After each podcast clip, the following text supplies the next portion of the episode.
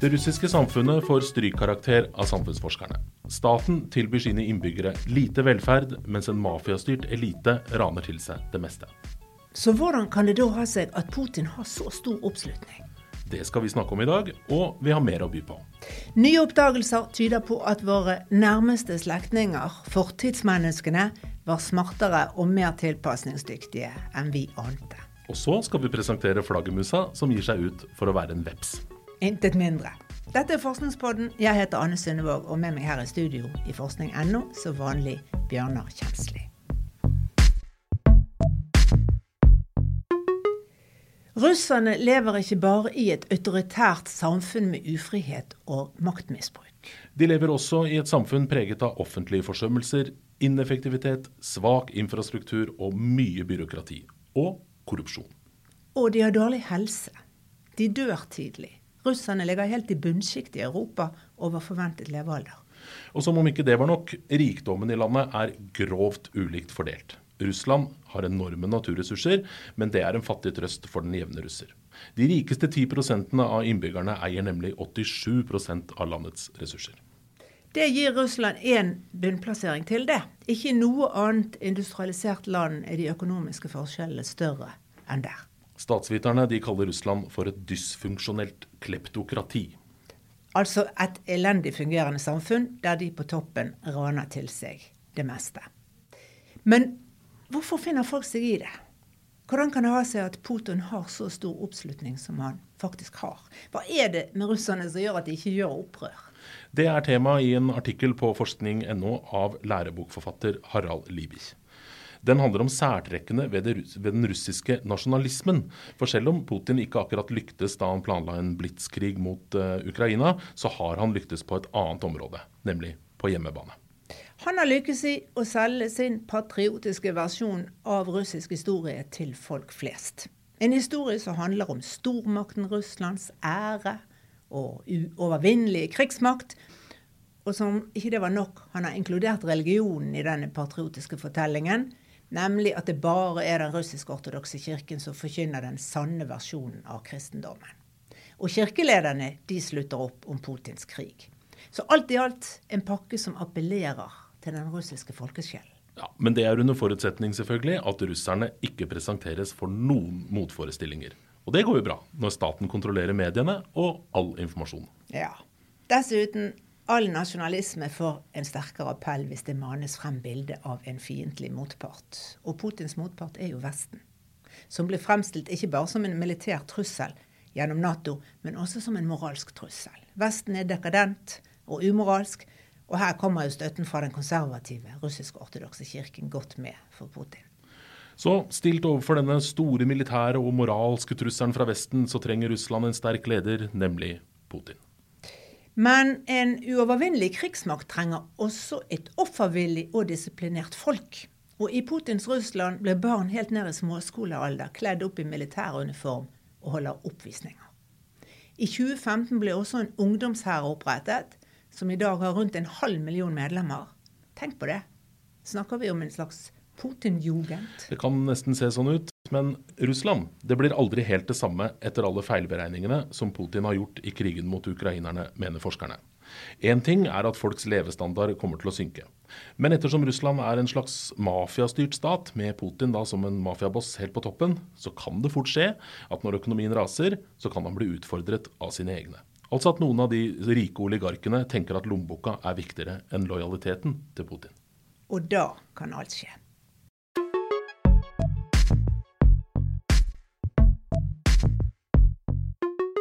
Hvor mange menneskearter har oppstått på jorda og så gått til grunne igjen?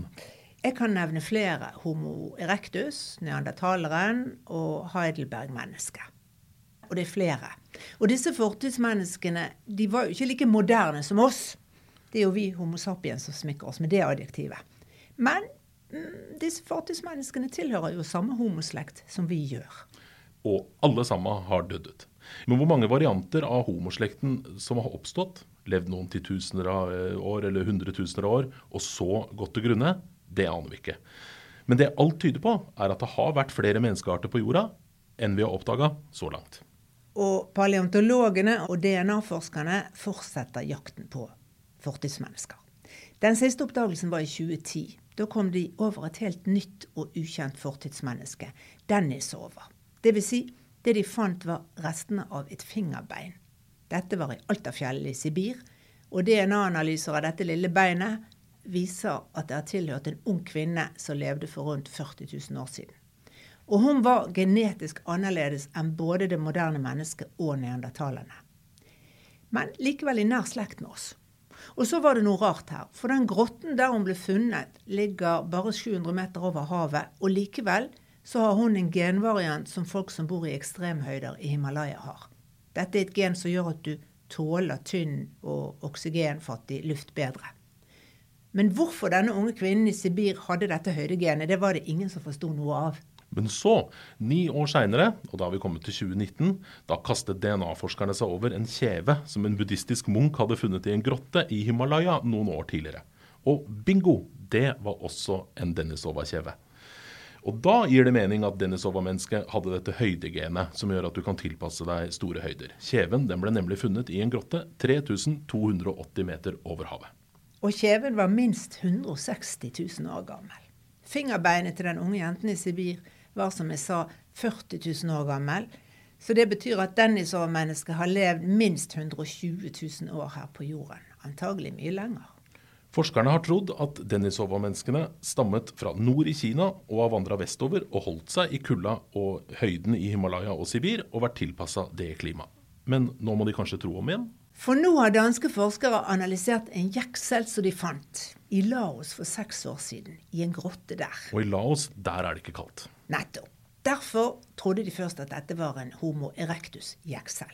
Men etter tre år med analyser av jekselen og sedimentene rundt og dyrerestene på funnstedet De er grundige og tålmodige, disse DNA-forskerne. Etter tre år er de kommet frem til at jekselen etter all sannsynlighet tilhørte en ung Denisova-jente som levde for mellom 130 og 164 000 år siden. Og fordi jekselen ennå ikke hadde brutt frem og derfor ikke var slitt, så kan de slå fast at jenta var en fem-seks år gammel. Men de har ikke klart å utvinne DNA av denne tanna. I stedet så har de sammenligna jekselen med mange andre forhistoriske tenner fra ulike mennesketyper, og så konkludert med at den ligner mest på denisovan, og det var en overraskelse. Ja, for det betyr at Denisovaene har vært veldig tilpasningsdyktige. Og det er en egenskap som paleontologene hittil har forbeholdt det moderne mennesket. Vi har en tendens til å betrakte de tidligere mennesketypene som veldig primitive, sier den danske professoren og DNA-eksperten Eske Villerslev. Derfor har vi trodd at denisoverne var kuldetolerante, men så finner vi de altså i tropene. Så de har i høyeste grad hatt evnen til å tilpasse seg. De har absolutt ikke vært dumme, sier han. Willerslevs kollega som fant jekselen, Fabrice Demeter, kaller denisovene en asiatisk utgave av neandertalerne. For mens vi skandinaver bare har ørlite DNA til felles med denisovene, altså vi snakker om en 0,001% så har urfolk i Australia, Melanesia og på Filippinene 5% av sine gener felles med denisovene. Vi i Europa har til gjengjeld 2% av vårt DNA til felles med neandertalerne. Og alt dette er kunnskap som kan bidra til å forstå hvorfor nåværende folkeslag kan være ulike, mener forskerne. Noen av folkene som lever i Himalaya den dag i dag f.eks., har nettopp det høydegenet som forskerne finner igjen i denisovanene. Men stort mer veit vi ikke om denisovanene. Ennå. En kjeve, en liten flis fra en finger og en jeksel, det sier ikke all verden. Men det er små brikker i et puslespill som forskerne da satser på skal gå opp en dag.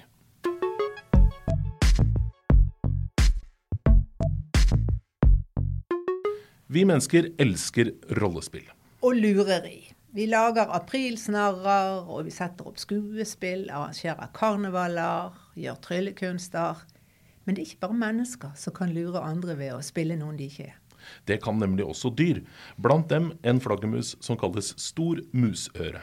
Det begynte med at en italiensk økolog, Danilo Rosso, fikk en stor musøre i nettet sitt. Og da begynte dyret å svømme som en veps eller som en mygg. Hva i all verden, tenkte Rosso. Hvorfor hermer stormusøren etter vepsen? Er det et varselsignal til andre artsfeller i nærheten? Eller prøver han å skremme meg? Er det en forsvarsmekanisme? Antagelig det siste, tenkte italieneren. For flaggermusa, som selv fanger insekter, må passe seg for andre sultne rovdyr. Det finnes nemlig flere arter ugler f.eks. som har flaggermus på menyen. Så Rosso allierte seg med en flaggermusforsker for å finne ut av dette. Først tok de opp lyden av det vanlige skriket til denne flaggermusen, som som kjent har så høy frekvens at vi mennesker ikke kan høre den. Og så gjorde de lydopptak av summingen som den laget når den ble fanget. Og også av summingen til en veps og til en bie. Og så spilte de av alle disse lydopptakene for to typer ugler som spiser flaggermus. Altså tre summelyder fra bie, veps og flaggermus, i tillegg til et normalt flaggermusskrik. Og resultatene var ikke til å ta feil av. Da øglene fikk høre det vanlige skriket fra en stor musøre, ble de interessert og beveget seg mot høyttalerne. Men når de fikk høre summing fra veps, bier eller flaggermus, da trakk de seg unna. Så uglene de liker altså heller ikke å bli stukket. Det er ellers ikke noe nytt at dyr etterligner andre dyr for å oppnå fordeler, men det er visst sjelden at de etterligner hverandres lyder, ifølge forskerne. Og det er absolutt første gang at man ser at et pattedyr, som flaggermusen, etterligner lyden av et insekt, ifølge tidsskriftet Science. Men Danilo Rosso vet om en fugl som gjør det samme. Hakkespetten den lager surrelyder hvis den blir forstyrra i reiret sitt. Og det er i håp om å lure en angriper til å tro at det er et vepsebol i treet. Og så fins det noen fluer, eh, blomsterfluer kalles de, som forkler seg som veps for å holde sultne fugler unna. Blomsterfluene har gule og svarte striper som gjør at de til forveksling ser ut som en veps. Men de kan altså ikke stikke.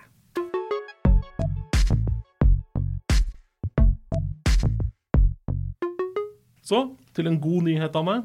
Bilene forurenser mye mindre. Selvfølgelig har det å gjøre med at elbilene nå utgjør 16% av bilparken her i landet. Men det er ikke hele forklaringen. Langt derifra. Det viser seg at utslippene av de giftige nitrogenoksidene NOx-ene, som både forurenser og bidrar til oppvarming av kloden, disse NOx-utslippene fra veitrafikken har gått ned med 53% siden 1990.